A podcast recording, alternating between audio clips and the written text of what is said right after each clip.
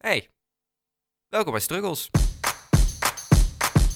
Welkom bij Struggles, aflevering Zes? 6. Ja, Wat leuk. En Ja. Vandaag is het een hele leuke aflevering, want we hebben ook voor het eerst een gast. namelijk Annette van Yay. eh Pubersvragen op TikTok. Welkom. Ja, dankjewel. Wat leuk dat je er bent. Nou, dat is leuk hè. Ik woon in Enschede en dan toch nog vlakbij eh, bij jullie. Dus Ja. dat kwam helemaal goed uit. Ja, ideaal inderdaad. Ja, we hebben het de vorige aflevering al benoemd. We willen heel graag een gast uitnodigen. Dus we hebben een beetje gekeken wie is nou, wie is nou eh, interessant. Wie kan ons wat vertellen en wie kan makkelijk praten met ons. Dus zo zijn we bij jou eh, terechtgekomen. En superleuk dat je er bent. Oh, en ik ben dus gewoon de echte allereerste gast van jullie podcastreeks. De, allereerste. Ja, Nou ja. Ja, we wouden een- natuurlijk wel eh, met een goede gast beginnen. ja, Ja. zo is dat. Ja. Zo zijn we hier. ja, zo is het eigenlijk gebeurd inderdaad. Ja. Dus, eh, en deze aflevering gaan we het hebben over seks en anticonceptie en tienerzwangerschap. Want dat zijn nou eenmaal ook dingen waar je tegenaan loopt in de puberteit. Het zal misschien op iets latere leeftijd zijn dat je daar eh, mee begint. Het zal niet op je twaalftal zijn, maar eh, Nee, maar dat kan uiteindelijk wel wordt het wel spelen. heel relevant. Ja, zeker. Je kan er wel mee bezig zijn. Ja, Ook al ben je er niet letterlijk of fysiek mee bezig. Nee, maar het gaat wel in je hoofd zitten op een gegeven moment. Van, goh, wat is het nou? Hoe werkt het? Mhm. Ja, en het is voor pubers denk ik ook wel een van hun grootste angsten. Van wat als ik maar niet zwanger word. Ja, klopt. Ja, want het risico zit er eigenlijk altijd wel. Je kan nog zo veilig doen. Ja, geen enkele anticonceptie is eh foolproof. Ja, het gewoon niet doen. Ja. Maar dat, dat gaat gewoon niet gebeuren. Dus dan, eh, ja, double dutch doen wel veel. Hè, dat ze en de pil gebruiken en condoom samen. Dan ben je echt wel heel safe. Maar als je alleen condoom gebruikt of alleen eh, de pil of alleen de prikpil. Ja, dan heb je gewoon echt 0,23 procent kans dat het toch misgaat. ja, en dat is eh, een lastige situatie om in te komen. Ja. Ja. ja, want wat doe je dan? Dat is een hele goede vraag. Ik heb er wel over nagedacht wat je dan zou moeten doen. Maar ja, ik ben natuurlijk een man. Dus voor mij zou het zijn, eh, leg het bij de vrouw neer. Het, het is wel iets om over na te denken. Jij bent er wel bij betrokken geweest. Het is dan aan mij om de, daarin supportive te zijn. Want je gaat uiteindelijk, als het kind houdt, dan samen het kind opvoeden.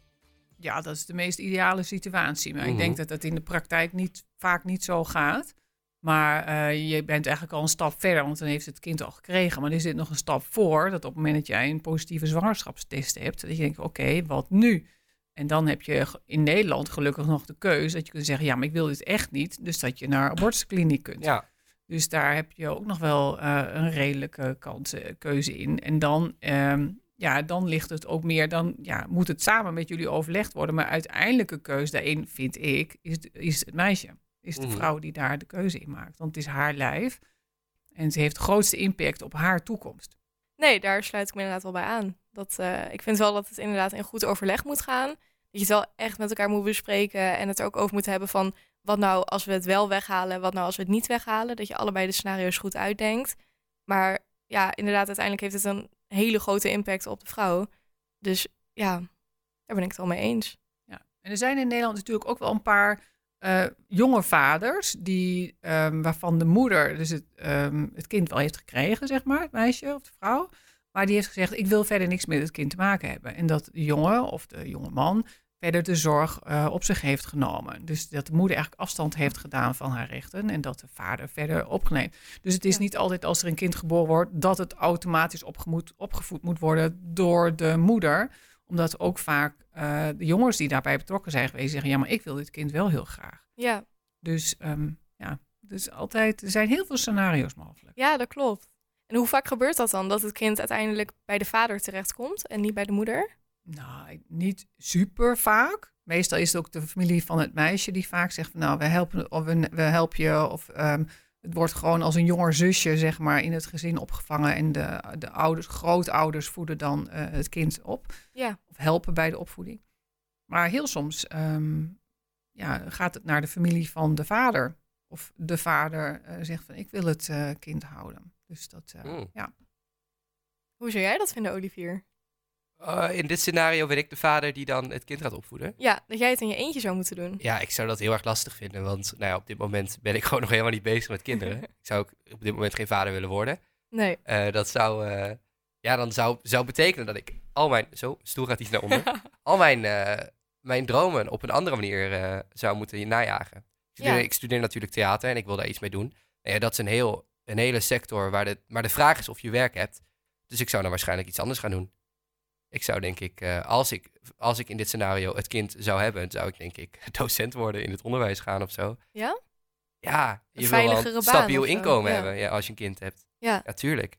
En aan de andere kant, ja, ik, ik, ik ben er nog helemaal niet klaar voor.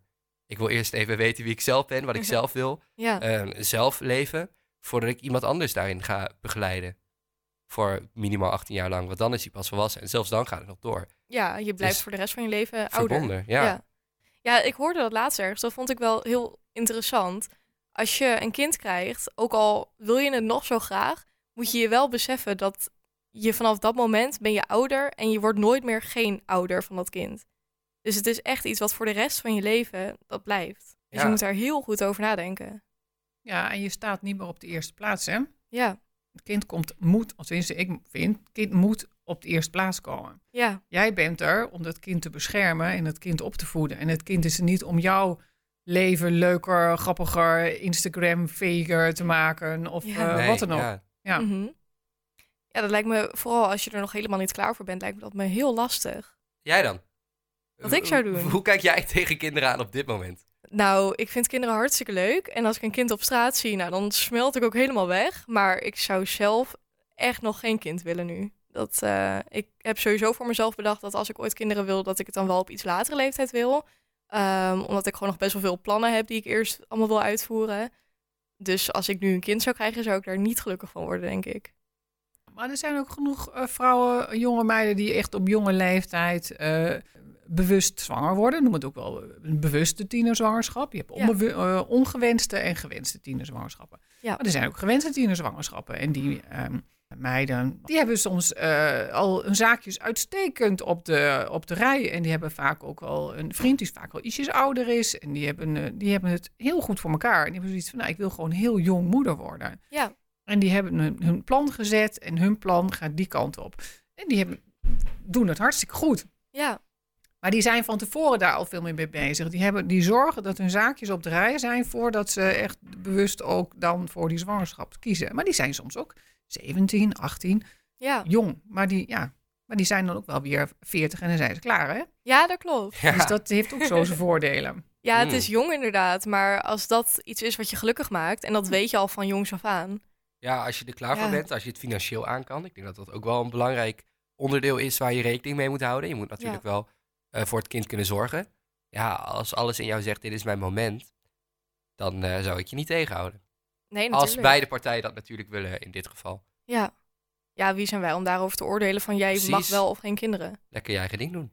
Maar ja, wat voor opties heb je eigenlijk als je toch per ongeluk zwanger raakt en je bent nog een tiener en je wil eigenlijk helemaal geen kind? Maar ja, een abortus is natuurlijk wel heel erg heftig op je lichaam. Het is een hele heftige ervaring. Dus wat moet je dan doen? Ja, is het een heftige ervaring? Dat zo kun je het ook zien. Ja, Zijn, ehm, ik weet zeker in de studentenkringen eh, wordt er veel gebruik gemaakt van abortus, want dan gaat het nog wel eens mis. Er zijn eh, studenten die eh, drie, vier abortussen hebben in de tijd dat ze studeren. ja, Dus het is ehm, de anti- anti-abortus groep die zegt altijd, ja, het is heel heftig. Je haalt een kind weg. Maar het is nog maar een klompje cellen als je in de eerste paar weken eh, bent. Dus zo gauw je een, een positieve test hebt en je denkt, oh, dit wil ik echt niet. ja, Dan ehm, kun je heel snel al naar een abortuskliniek. En dan heb je wel eerst nog een goed gesprek daar. Van weet je waar je aan begint en wat je doet en wat zijn je keuzemogelijkheden. Het is ook niet dat je binnenloopt en je krijgt gelijk een abortus. Hè? Je krijgt Ja. echt wel gesprekken. ja en Maar een dan- bedenktijd, toch? Ja, die gaat eraf. Want er is natuurlijk ook wel... eh, geen enkele vrouw stapt fluitend een abortuskliniek binnen. Van nou, dat lijkt me leuk. La, la, laat maar doen, zonder Nee. erbij na te Ja. denken. Mhm. Ja, dus je hebt echt al wel goed bij nagedacht van tevoren. ja, Maar ehm, als je het echt eh, vrij snel na een positieve test een abortus laat uitvoeren, dan uh, ja, je bloedt meer en het, je hebt een paar dagen buikkramp. Maar Ja. op zich, dat was het.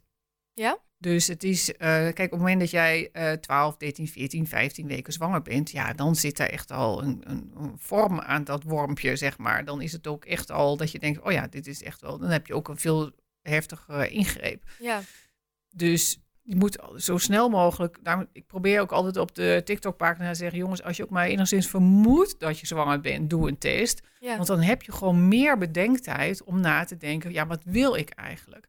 Want dan heb je gewoon nog een aantal weken om die keus te maken van wel of niet. Ja, En als je gaat zitten uitstellen van ja, ik wacht wel, ik wacht nog een maand en ik wacht nog een maand, dan op een gegeven moment ben je ook voorbij aan die fase dat het nog kan. ja. En dan kun je ook niet meer terug. Dus dat, ja. ja, want vanaf hoeveel weken mag je geen abortus meer? Nou, gewoon bij een abortuskliniek doen ze vaak nog tot 12 weken. Maar je kunt nog tot, geloof ik, 18, 19 weken. Maar dat moet echt bij een gynaecoloog gedaan worden. Oké. Want bij een abortus zag ik vroeger altijd voor me dat hoe vroeg je ook bent, ehm, dat je dan echt geopereerd wordt en dat er dan echt ja, een baby uit je wordt gehaald, zeg maar. Dus hoe gaat dat eigenlijk in zijn werk? Nee, dus het doen meestal met zuigcurettage. Dat is eigenlijk een heel dun slangetje, zeg maar bij de tandarts. Als ze zo'n slangetje in je mond hangen hè, om het water af te zuigen. Ja, Nou, zoiets gebruiken ze ook eh, bij een curettage. Gaan ze via de vagina, je krijgt je baarmoedermond, wordt verdoofd. Die gaan ze een beetje openzetten en dan gaan ze met het zuigslangetje in je baarmoeder. En dan zuigen ze dat klompje cellen, zuigen ze weg.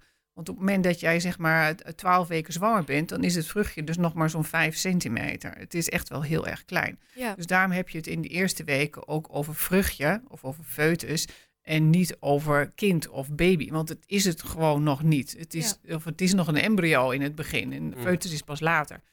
Dus het is een klompje cellen. Dus het is binnen vijf minuten gepiept. En gebeurt dat onder narcose? Of Nee. wel echt bij bewustzijn? Ja, het is gewoon lokale verdoving. Dus ze verdoven de baarmoedermond en het is zo voorbij. En dan eh, ja, kun je weer naar huis.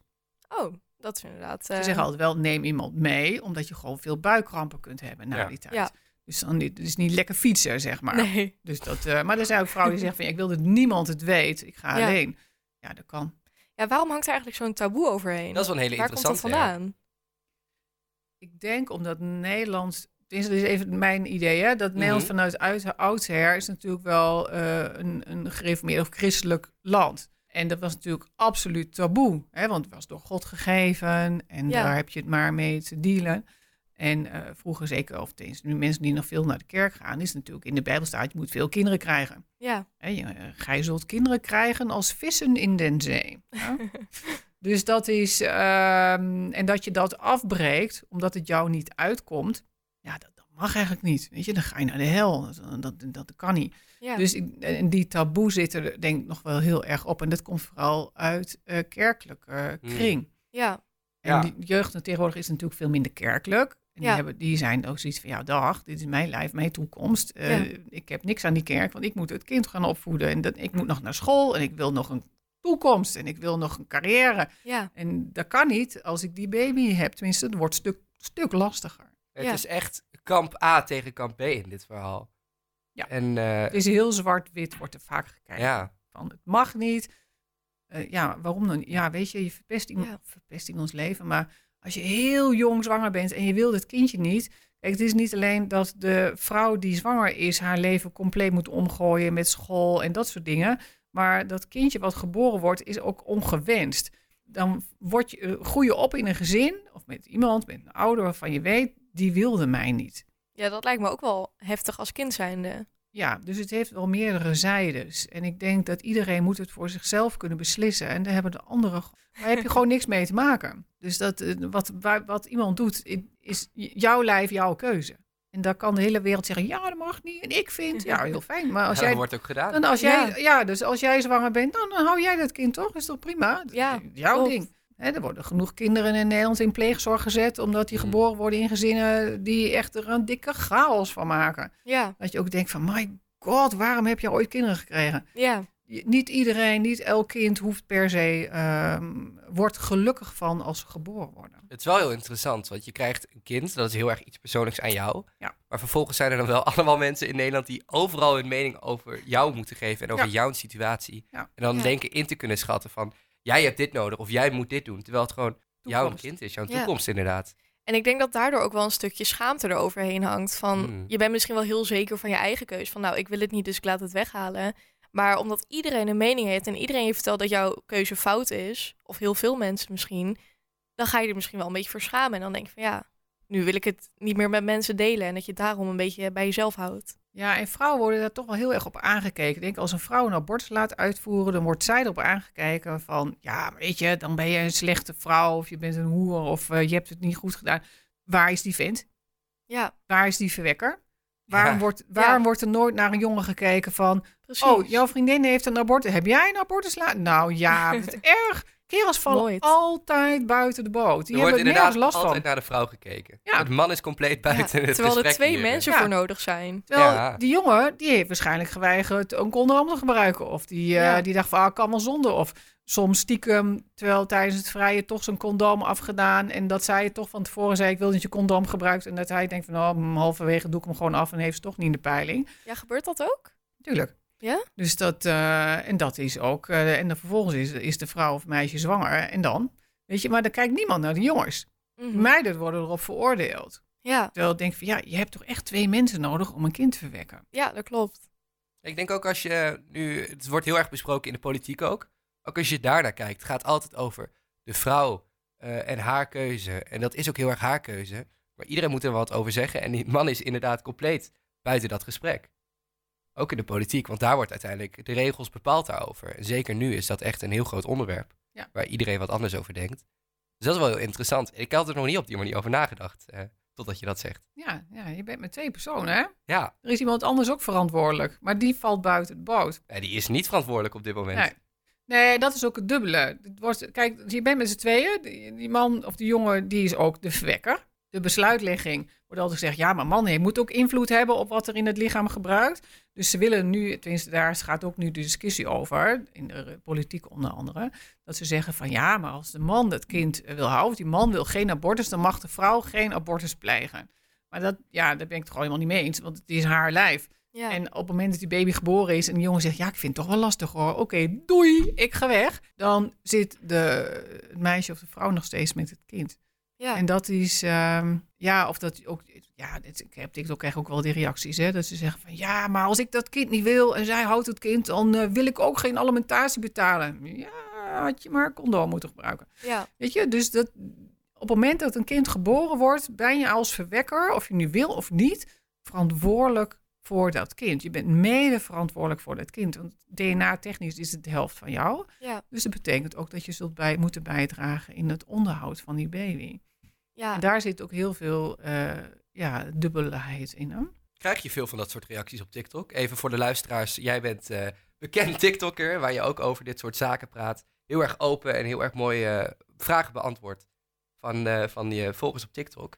Maar TikTok is natuurlijk ook een platform waar je in principe zonder gezicht op kan eh, schreeuwen wat je wil. Krijg je veel van dat soort eh, extreme reacties daarop? Mm, Nou, meestal niet. Het wel als ik filmpjes maak over abortus. En dat zeg ik ook altijd. Van ja, ik ben, heel, ik ben pro-abortus. Ik vind dat een vrouw moet beslissen over haar eigen lijf. En dat niemand anders daarover te beslissen heeft. En ze kan haar ouders vragen om advies. Of haar vriend vragen om advies. Maar uiteindelijk moeten zij de beslissing nemen.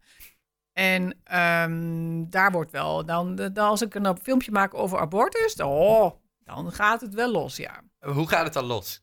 Nou, van, eh, nou, dat eh, jij promoot abortus. Ik promoot helemaal niks. Ik zeg alleen dat vrouwen eigen keuze moeten maken. En eh, dat ze, abortus heel slecht is. En de kind is door God gegeven. En had, had het meisje maar beter op moeten letten. Ik denk van, hoezo, dat meisje, die bent met z'n tweeën. ja. Dus, eh, en een condoom kan wel eens scheuren. En de pil is niet foolproof. Het gaat soms wel eens mis. En dat, ehm, ja, en dan ben je zwanger. En dan? Dus ook wat er in, nu in Amerika natuurlijk helemaal gebeurt, hè, dat ze die abortuswet allemaal Mm. verboden hebben. Dat is ook Ja. heel kwalijk. ja. Want je krijgt gewoon dat eh, vrouwen anoniem eh, illegaal abortus laten uitvoeren. ja. Onder de meest onhygiënische omstandigheden. Dus het, dit gaat vrouwenlevens kosten. ja, je hoort er echt horrorverhalen over. En dat is uh, godzijdank in Nederland nog niet aan de hand. Hier kun je gewoon naar klinieken met goede artsen en verpleegkundigen. Dan word je goed geholpen en ben je veilig. Maar ehm, ja, in Nederland loopt die discussie ook hoor. Ik weet het in de politiek. Natuurlijk de gereformeerde partijen willen heel graag dat wij ook zo'n uh, anti-abortuswetgeving in Nederland gaan krijgen. ja. En dat hoop ik toch echt niet, want dan ga je gewoon weer terug naar de middeleeuwen. Ja. Ja. dat zou inderdaad best wel erg zijn.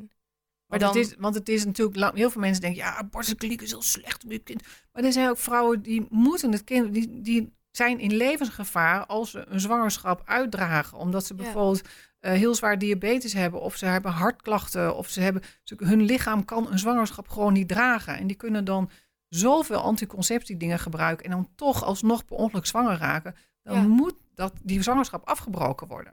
ja, Dus dat is, ehm, het is niet altijd omdat je la la la la la. Hè. Er zit ook vaak wel, ook wel een medische noodzaak achter. Ja, en dat lijkt het me toch wel heel erg heftig als die abortuswet verboden wordt, zeg maar, als je geen abortus meer mag eh, uitvoeren. Ja, ik denk dat het in Nederland niet gaat gebeuren, want Nederland is te liberaal daarin. Ja, En ehm, de, de gereformeerde partijen zijn in Nederland gewoon te klein. ja, Die hebben daar niet voldoende invloed op. En ik denk ook heel veel mensen, en zeker ook de jongere mensen, snappen ook wel dat je vrijheid van eh, keuze over eigen lichaam moet hebben. En niet dat iemand anders daarover moet gaan lopen beslissen. ja, want dat verlies je dan. Kijk, iedereen mag natuurlijk zijn eigen mening hebben. En als iemand tegen abortus is, vind ik dat prima. Dan laat je diegene gewoon in zijn waarde. Maar door abortus te verbieden, verbied je eigenlijk ook anderen om hun eigen mening daarover te hebben. Daar is een verschil tussen je eigen mening hebben en andere mensen regels opleggen waardoor hun niet meer eh, hun hart kunnen volgen of hun, hun toekomst zelf kunnen bepalen. Dan wordt het meer een dictatuur. eh. Ja, Nou, je krijgt, je krijgt meer, ehm, meer illegale, eh, illegale abortussen. Daar ben ik echt van overtuigd. Dus je Ja. krijgt eh, vrouwen met beschadigde baarmoeders, met bloedingen, eh, Ja. met baarmoederontstekingen, eh, vrouwen die sterven. Eh, er gaat heel veel ellende komen. En Ja. heel veel mensen realiseren zich dat niet. Dat wat ook is, als vrouw een kind niet wil, dan zal ze er alles aan doen om van dit vruchtje af te komen. En daar kunnen eh, hele gevaarlijke situaties uit ontstaan. ja, gebeurt het ook wel eens echt dan dat vrouwen het zelf proberen? Dat ze geen abortus willen, dus dat ze op zelf proberen zeg maar, van het kind af te komen? Nou, in Nederland In Nederland is eh, het natuurlijk volgens niet mij niet. nodig. Omdat iedereen eigenlijk wel weet gewoon waar de abortus... En in abortuskliniek word je anoniem geholpen.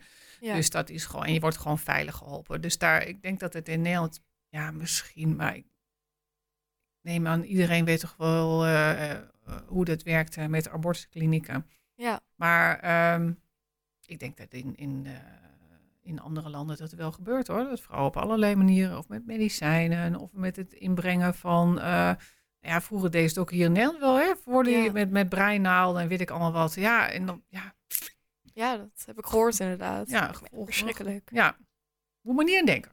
Nee. Nee. nou ja, ehm, en jij zegt dus dat als je er vroeg bij bent, als je nog maar net zwanger bent, dat het dan eigenlijk wat een, een lichtere ingreep is. Maar vanaf hoeveel weken ongeveer komen de meeste vrouwen erachter dat ze zwanger zijn? Nou, wanneer je menstruatie niet komt. Dus dat is meestal zo, eh, nou ja, ze rekenen zeg maar dan ben je vier weken zwanger. Want dat gaat vanaf de dag van je laatste menstruatie, zeg maar. Of de eerste dag van je laatste menstruatie, daar rekenen ze af. Ja. Maar eigenlijk ben je dan zeg maar twee weken zwanger. Want je, je ijsprong is meestal ergens twee weken na het begin van je menstruatie. Dus dan ben je zwanger geworden. Dus dan is het echt nog een ja, heel klein. En, maar dan begint je lichaam al zwangerschapshormonen te maken. En zeker met de testen van tegenwoordig, dan kun je echt met twee weken al testen. En dan zie je al of je zwanger bent, ja of nee. Dus je kunt het al heel vroeg eh, ontdekken. Ja. En tijdens de ijsprong heb je dus de meeste kans om zwanger te raken. Ja. Maar buiten de ijsprong om ook nog steeds, toch? Nou ja, zeker, zeker in, de, in de puberteit. Omdat eh, veel meisjes nog niet een hele regelmatige cyclus hebben. Dat duurt echt een aantal jaren voordat je heel regelmatig wordt. Ja. En die ijsprong, ook bij volwassen vrouwen, de ijsprong kan bijna op elk moment in je cyclu- cyclus optreden. En eh, kijk, zo'n 20% van de vrouwen die voelen hun ijsprong. Die voelen het moment van pop. En dat je even heel veel buikpijn hebt voor een paar uur en dan is het voorbij. En dat is gewoon het springen van het eitje. En, ehm, maar 80% van de vrouwen voelt het niet. Dus je hebt geen idee waar die ijs, ijsprong zit. Ja. Dus je kunt ja, overal in feite, zelfs een dag voor de menstruatie kun je nog een ijsprong hebben. ja. Dus je kunt ook tijdens de menstruatie nog zwanger raken. Dus eh, je moet het altijd veilig blijven doen. Ja. Ook Ja. buiten, ja, als je denkt dat je ijsprong al is geweest, altijd veilig doen. Gewoon altijd, oh, sowieso altijd veilig doen. Ja, ja. Ja, Ja, ook met de SOA's van tegenwoordig jongens. Dus dat ja is, eh, natuurlijk. Ja. altijd gewoon. Met alles. ja, Ja, het is toch lullig als je dan, eh, dan een SOA hebt. dat klopt. Zou, zouden jullie aanraden om, eh, als je bijvoorbeeld een nieuwe partner hebt, om dan voordat je seks met diegene gaat hebben, eerst een SOA-test te doen? Ja, En better dan safe than sorry. uitslag, uitslag laten zien. Niet eh, gewoon vertellen, maar echt het Ja, bewijs? nee, oh, nee ik, eh, laat maar zien. Ja. Want ik zeg, nee, nee, ik heb getest hoor. Nee, was allemaal goed. Oh ja? Nou, Zwart of wit, kom zwart maar. of wit. Ja, natuurlijk. Je krijgt gewoon een mailtje of je krijgt een appje met de uitslag van de SOA-kliniek. Ja. Dus je kunt gewoon zeggen, tada. Ja, Ja. ik denk als je serieus met, genoeg bent met elkaar om, dat, eh, om, om seks met elkaar te hebben, dat je ook serieus genoeg mag zijn Ja. om dusver interesse te tonen in de ander om ook gewoon een SOA-test te doen. En dat dan ook te laten zien. Ja, ja wel zo veilig natuurlijk. Ja, Dat eh, zou ik ook wel aanraden, denk ik. het is toch een vervelende verrassing als eh, het anders is. Ja, zit je Ja, en het kan ver... eh, ja. Dat je, je meisjes kunnen gewoon onvruchtbaar worden door een SOA. ja, dat heb ik gehoord inderdaad. Dat is best wel heftig. Dus dan hoef je niet eens zo heel veel klachten te hebben. Hè? Maar je wordt wel je eierstokken verstoppen wel. Dus Ja. dan, of je eileiders. Dus je, bent, je wordt gewoon onvruchtbaar. Ja, En als je dan een jaar of dertig bent en je denkt van... nou, nu wil ik toch heel graag kindjes. Ja, dan kan het niet. ja, Dan zit je in de problemen. Omdat je in je puberteit een keer seks hebt gehad met iemand met een SOA. Je bent besmet geraakt. En zonder dat je wist, ben je onvruchtbaar geworden. Dus eh, ja, maar goed, dat probeer ik ook altijd erg op TikTok. Jongens, condooms, condooms, condooms. Totdat Ja. je alle twee getest bent. En dan gaat het allemaal los. Maar eerst testen. Ik zeg, Ja, ja, dan kun je toch niet vragen. Waarom niet? Je gaat toch ook met diegene naar bed? Sorry hoor, maar dan kun je toch ook zeggen van... Ja, eh, ga eens even waar. naar de huisarts. eh, Ja. Je kunt bij de huisarts, je kunt bij de GGD, je kunt bij de Rutger Stichting. Je kunt op heel veel plaatsen SOA-testen doen. En Ja. is dat dan ook gratis? SOA-testen zijn in Nederland gratis. Oh, dat is dan eh, voor de luisteraars. het is gratis. Maar ik denk wel dat er een klein beetje schaamte omheen hangt. denk dat er wel meer dan een klein beetje schaamte ja, omheen om dan naar de dokter te moeten gaan en zeggen van nou, ik wil een SOA-test. Ik heb nog nooit iemand op de familie, eh familie eh, verjaardag horen zeggen... nou, ik heb hier een SOA-test gedaan of zo. Dat is gewoon niet waar je niet over praat. Nee, klopt. Op dit moment in Nederland. Daar hangt wel een beetje een taboe over. Ja, Ja. Terwijl je kan je maar beter wel laten testen inderdaad. ik En wou net zeggen. daarbij, dan moet je ook wel bedenken, doktoren die zien dat soort dingen natuurlijk dagelijks, wekelijks, die zien dat hartstikke vaak. Dus die kijken er echt niet meer raar van op als er ineens een puber binnenloopt en zegt van, goh, kan ik me even laten testen? Nee, want het is, het is alleen maar goed. Want je kunt beschermt jezelf. Want stel je bent drager zonder dat je het weet. Sommige Ja. SOA's heb je alleen maar een antibiotica-kuurtje nodig en dan ben je weer klaar. En je kunt ook niet iemand anders er we- weer mee besmetten. Want zo werkt het wel met SOA's. Hè. Het is een enorme olievlek. Want het is, eh, zeker in de studentenkringen wederom, gaat het heel hard. Hè. Utrecht is met recht eh, nummer één op SOA-gebied. En waarom Utrecht? Omdat daar heel veel studenten zitten... die heel veel seks hebben met heel veel verschillende mensen. Dus eh, ja, dan krijg je enorme SOA-uitbreidingen. Ja, Dus dat is uh, studententijd, lang leven, lol, veel bier en zuipen, maar ook veel seks. Hè? ja, Maar uh, als je je niet goed beschermt, ja, dan kun je. En sommige SOA's zijn voor je hele leven en raak je nooit meer kwijt. Nee? Dus dat is uh, ja, herpesvirus, genitale verratten, HIV. Dat zijn allemaal wel te onderdrukken. Maar je, zodra je het hebt, dan heb je het. Ja, ja. raakt het niet meer kwijt. Nee, dat uh, wil je voorkomen natuurlijk. Ja. Hoe ben je eigenlijk begonnen met TikTok? Ik ben gewoon voor de lol begonnen. Ik zat, was vorig jaar januari, toen hadden we weer zo'n lockdown. Weet je, iedereen zat thuis, mocht niks. En um, ik heb natuurlijk pubers in huis. En uh, dan krijg ik af en toe zo'n telefoon in mijn gezicht van... Oh, mam, kijk, dit moet je zien. En daar heb ik niet altijd tijd voor. Dus uh, mijn dochter die zei toen van... Joh, mam, maak even een account aan. Want dan kan ik je filmpjes delen. En dan kun je elkaar filmpjes sturen. Ja. En uh, ik zei, oh, dat is goed. Dus toen had ik na een... een na een paar weken had ik zoiets van, nou, ik verveelde me gewoon, weet je, die lockdown midden in de winter was geen hol te doen. En ik dacht van, nou, ik ga wat filmpjes maken. Gewoon van mijn eigen cursisten, want ik geef ook gewoon zwangerschapscursussen hier in de regio voor samenvallen. En dat was ook allemaal online, dus die dames zaten ook allemaal thuis zwanger te zijn, zich helemaal uh, dood te vervelen. Dus ik dacht van, nou, ik maak gewoon wat filmpjes over verhalen van uh, zwangerschappen of bevallingen die ik meegemaakt heb op de afdeling in het ziekenhuis of toen ik voor Zonder Grenzen werkte. Gewoon gekke dingen. En um, of het vierde, vijfde filmpje, zoiets. Had ik een filmpje gemaakt over een uh, tienerzwangerschap. Meisje die met buikpijn op de eerste hulp binnenkomt met haar ouders helemaal bezorgd. En die bleek midden in de bevalling te zitten. En die kwam dus met spoed de afdeling op. En een uur later was daar een baby. Zo. Met uh, zeer gestreste grote ouders, die dus plotseling binnen een uur kreeg te horen: ja, je dochter is, in, is zwanger, is nu aan het bevallen. En een uur later was daar een baby. Jeetje, dat lijkt me ook wel schrikken. Dus dat was ook wel heftig. Ja. En uh, dat ook het vriendje werd opgetrommeld. God, ik zie hem nog lopen. Jongen, echt met zijn scooter of zijn brommerhelm onder zijn arm. Kwam die de afdeling op. Echt zo'n zo jongske nog van 16. Weet je, Oh, denk, oh, ja. jongen toch. Dan ben je vader. Ja, Ja, die werd opgetrommeld van kom maar, want je vriendin heeft net een kind gekregen, dus Zo. het is van jou. Dus uh, die, die kon naar de afdeling komen. Ik zou niet eens weten hoe je daarop moet reageren met zo'n telefoontje. nee, nou, ik kwam wel. Dus dat is hem wel, uh, chapeau, dat is hem Dat wel. mooi. Ja, ik weet ja, dus ook die, ja, de, de grootouders, zeg maar, die waren ook echt helemaal over het rooien van, uh, echt de hele middag ging het, en je maakt je school af, en uh, je gaat nooit meer uit. En je blijft thuis en je gaat leren. Arm en je, kind. weet je, ja, die hadden echt zoiets van: oh mijn god, de hele toekomst verdwijnt nu. Ja. Weet je, dus die zaten even helemaal in de paniekmodus. Ja, natuurlijk. Dus, eh, en het is natuurlijk later allemaal is wel prima gekomen. Dat kindje is gewoon in die familie eh, verder opgenomen. Ja, Maar ehm, ja, de aanvankelijke schrik ehm, is natuurlijk heel heftig. En het was een iets steviger meisje. Ze had wijde kleren. Ze, heeft, ze wist dat ze zwanger was, maar heeft het gewoon verbloemd. En zij dacht natuurlijk van, nou, als ik er maar niet aan denk, dan, gaat het wel weg. Ja, Ja, en dat werkt niet zo met een baby. Nee. Ja, dat, daar, die, die gaat wel komen. ja, Dus dat, eh, ja, dus daar heb ik een filmpje over gemaakt. En er kwamen heel veel vragen op van eh, jonge kinderen of pubers van, ja, maar hoe kan het nou dat ze het niet wist? En eh, wat had ze dan moeten doen? En hoezo wisten de ouders het niet? En hoe werkt het eigenlijk? En hoe kun je zwanger worden? En dat soort dingen. En toen in het begin dacht ik van, nou weet je, ik geef even een paar mensen antwoord. En allemaal prima, weet je. En eh, nou, echt binnen twee dagen ontplofte gewoon mijn telefoon. Dat was gewoon pling, pling, pling, pling, pling, pling, pling, pling. Dus ik heb echt notificaties uitgezet. Want het ging echt gewoon, ik geloof dat het binnen een week 16.000 volgers of zo. Dus het Zo, ging echt waanzinnig. Gewoon echt duizenden per dag erbij. Zo. Dat ik ook dacht van, ja, waar gaat dit heen, Ja. jongens? Ja, nou ja, goed. En we zitten nu bijna twee jaar verder. en Iets, iets meer dan 300.000 volgers. Dus je bent echt niet meer weg te denken op Ja. TikTok.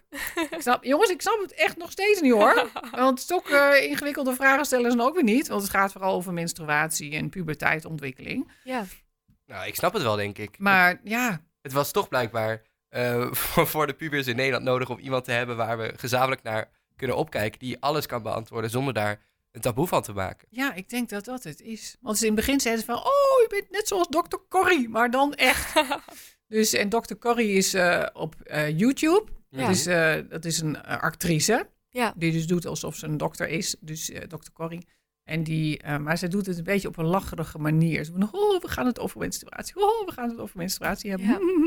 En denk van, ja, waarom doe je daar zo lacherig over? Het is gewoon, pubers hebben ook gewoon serieuze vragen. En waarom doe je dan zo lacherig? ja, En een vagina is een vagina en een penis is een penis. En hoef je niet een of ander lala verhaal van te maken. Nee. En, eh, ja, Ja. dat is nu één keer zo. ja, klopt. En ik denk dat ze daarom ook, ja, het is denk ik hoor, ik denk dat ze daarom meer bij mij komen of vragen, omdat ik ook gewoon antwoord geef in normale taal. En ik Ja, geen, je, je draait er niet omheen. nee, en ik denk gewoon elke vraag is een vraag. En ehm, soms zit daar een, onder, een, een, een, een lading onder. Dat ik denk van ja, je doet nu wel heel grappig zo'n vraag stellen, maar eigenlijk wil je dat of dat weten. Ja, En, ehm, en ze zien dat anderen dezelfde vragen hebben en dezelfde onzekerheden. En ik denk dat dat ook heel erg werkt. Ja, ja, het is een, he- een heel, mooi, eh, heel mooi hoe je dat doet. Het is een mooi platform waar mensen samen kunnen komen Ja, met vragen. eh, maar ook dat ze weten dat ze- ze die vragen mogen hebben, dat ze daarover na mogen denken. En dat ze dat ook kunnen stellen daadwerkelijk. Ja, Dus ja, dat, ik- dat is, wel heel heel mooi. mooi, ja. Ja. ja, en de meeste vragen, wat ik al zei, zijn niet zo ingewikkeld. Hè? Die zouden ze ook aan hun eigen ouders kunnen stellen.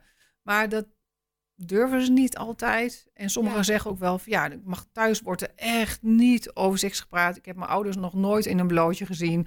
Eh, wij mogen als, eh, als een meisje ongesteld wordt, zeggen ze mag echt helemaal niets vragen over ongesteldheid. ja, Ehm, terwijl ik denk van jongens, jongens, kom op zeg. Ja. Ehm, maar ja, blijkbaar is het in sommige gezinnen toch heel moeilijk om met je kinderen te praten over eh, menstruatie. Of voor de jongens over masturberen. Of ehm, weet je, waar laat je je zooi, zeg maar. ja, Dus niet in een sok, maar gewoon tissues in de prullenbak. En dat werk. Of jongens die zich zorgen maken over de lengte van hun penis.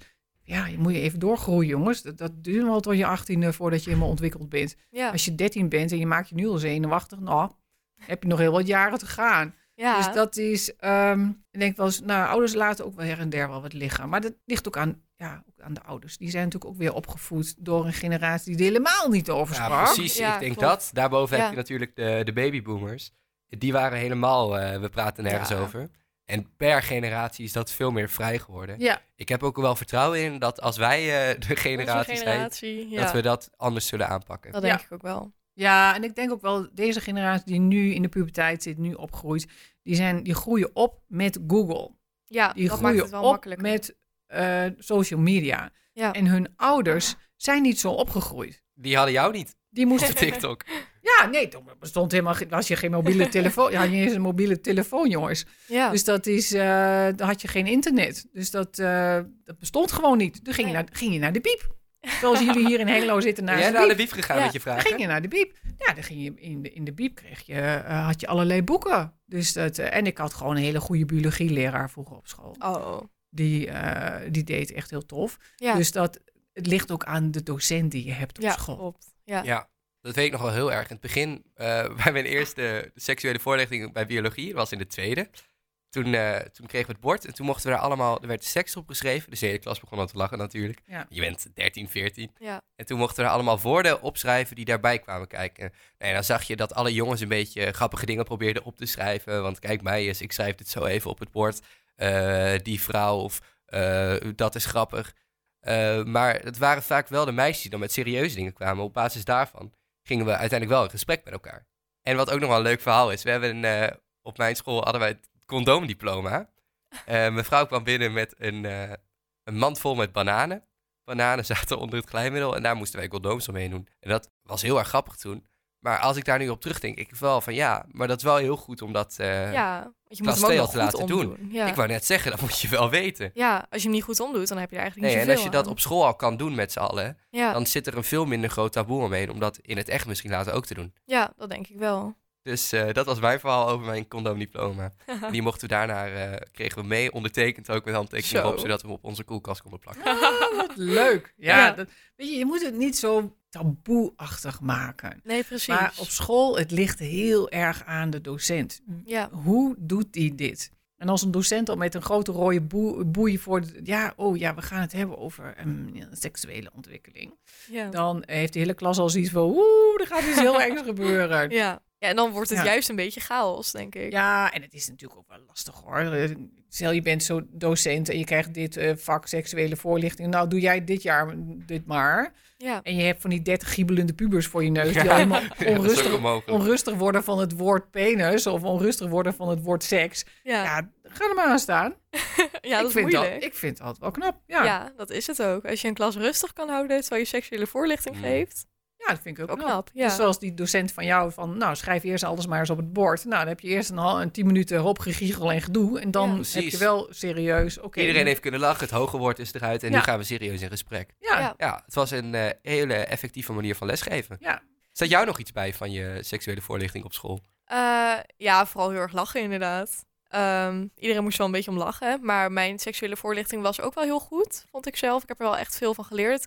En ook gewoon hoe het menselijk lichaam werkt, hoe menstruatie werkt. Dat is echt wel belangrijk om dat allemaal te weten. Maar dat is niet op elke school zo. Ik had het ook wel. Ik merkte wel dat de jongens dat, nu spreek ik namens de jongens zeg maar eh, in dit geval, dat een minder interessant onderwerp vonden. Maar we kregen er wel echt eh, meerdere paragrafen over inderdaad. Ja, maar het is ook gewoon En belangrijk is- om te weten. Nu kan ik zeggen, met meer levenservaring, dat het super belangrijk is om te weten. Ja, zeker. Voor zowel jongens als meisjes. Maar ik was laatst met een vriendin aan het praten. En eh, nou, die kent een jongen en die is 18.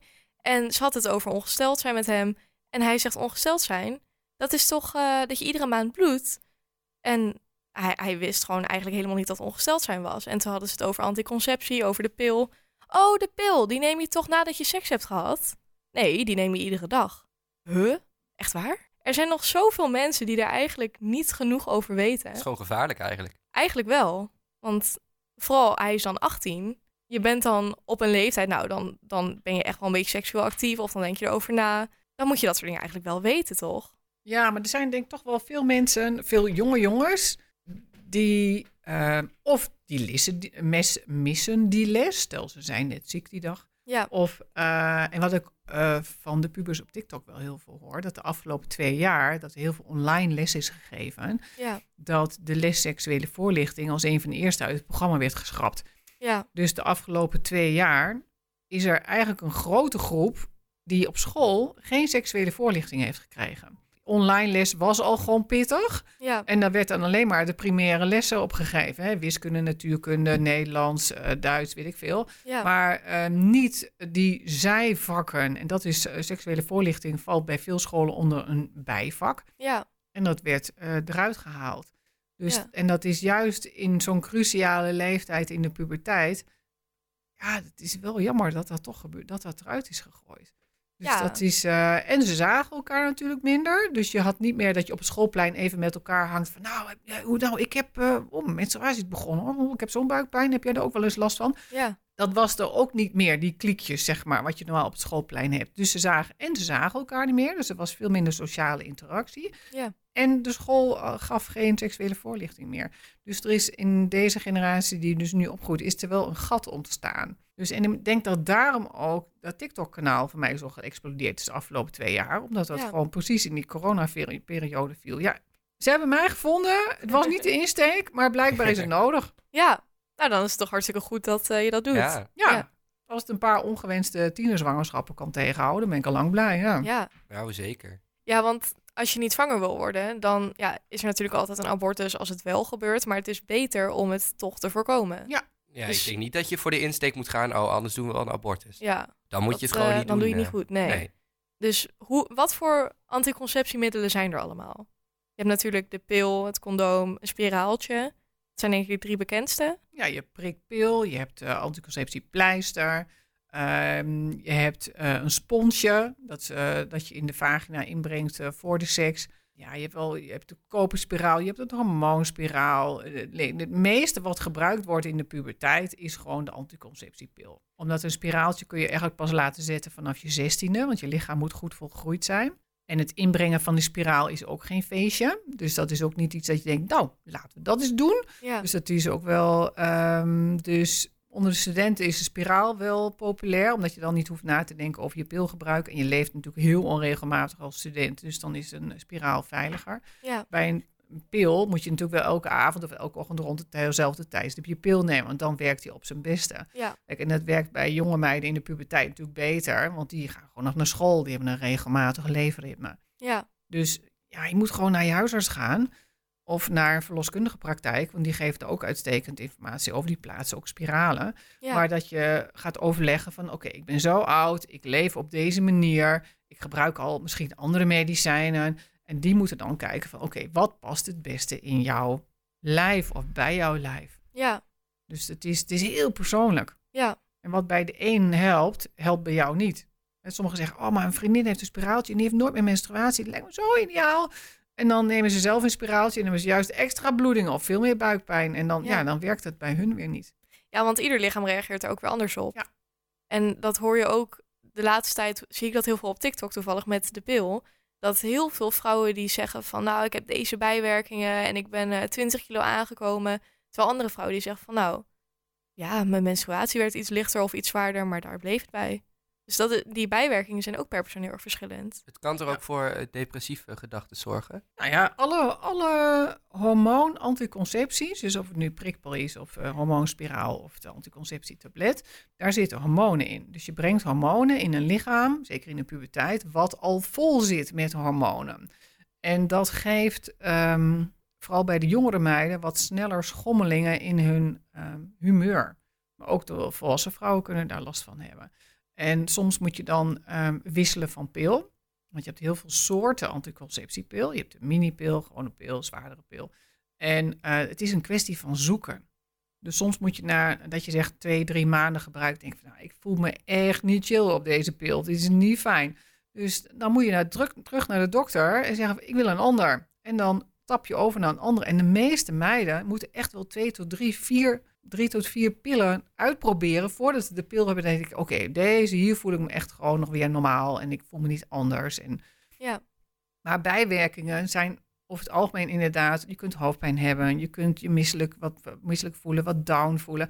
En dat is vaak de eerste twee tot drie maanden. Je lichaam moet Ja. even wennen aan de hormonen. En Ja. gewichtstoename, 20 kilo is wel heel veel hoor. ja, De meeste meiden komen misschien 2, 3 kilo aan. En dat is vooral in de eerste maanden, omdat je, je krijgt iets meer hongergevoel van de anticonceptiepil.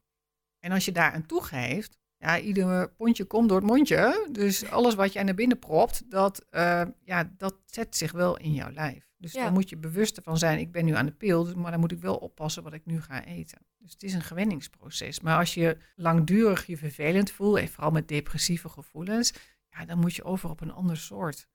Of dat je zegt, ik ga toch, als je 16 jaar en ouder bent, dat je bijvoorbeeld de koperspiraal gebruikt. Want daar zit eh, geen hormoon in. ik heb zelf horrorverhalen gehoord over de koperspiraal. Dat die je baarmoeder heel erg kan beschadigen. Nee. Maar ik denk niet dat dat klopt. Ik weet niet of heel, hoeveel andere mensen dat allemaal hebben gehoord en daarvan net zo zijn geschrokken als ik eigenlijk was.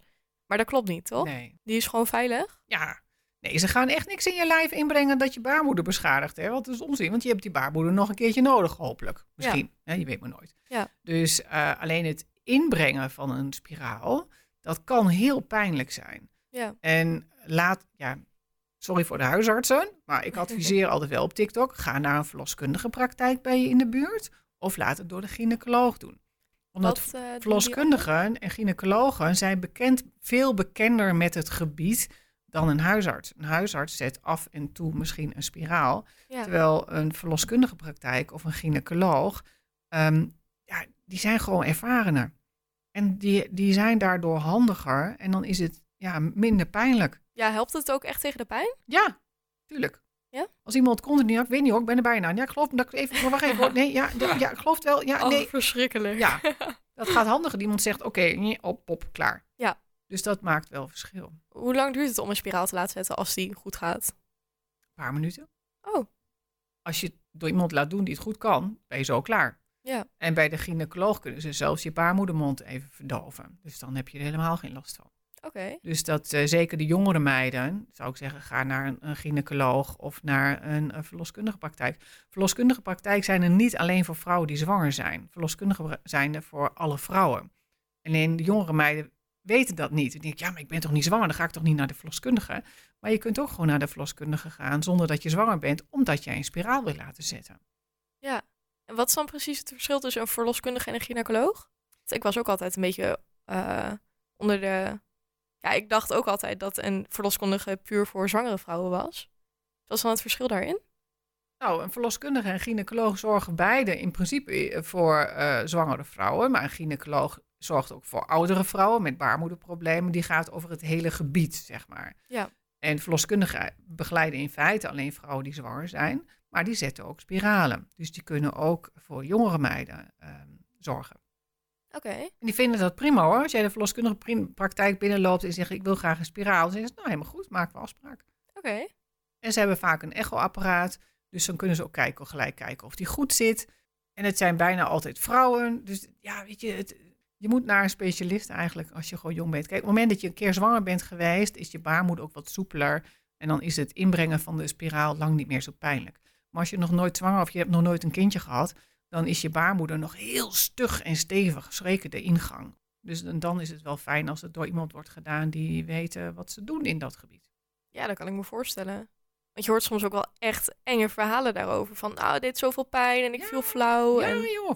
dat is echt... eh, Ja, dus daar niet, ja, sorry huisartsen wederom, niet door een huisarts laten plaatsen. ja, beter naar een eh, specialist. Yes. Dan denk ik dat dat een eh, mooie afsluiter is. Een logische conclusie. Ja, net als vorige keer. Ik heb ontzettend veel geleerd vandaag. Nou, mooi. Dus heel erg Ik bedankt. ook, ja. Dankjewel. Superleuk dat je er was. Ja, dat Ja. vooral. Superleuk dat je als gast wil komen. Nou ja, jullie, zitten, jullie generatie zit natuurlijk op TikTok, dus jullie volgen Ja. allemaal pubersvragen op TikTok. Zeker. Ik wel, ja. ja. nee, nou super. En ook heel erg bedankt eh, weer voor het luisteren Ja. aan de luisteraars. En dan zien we jullie volgende week weer met een ander onderwerp. Of misschien nog een andere gast. Wie weet. Wie weet. Tot volgende week. Tot volgende week. Doei.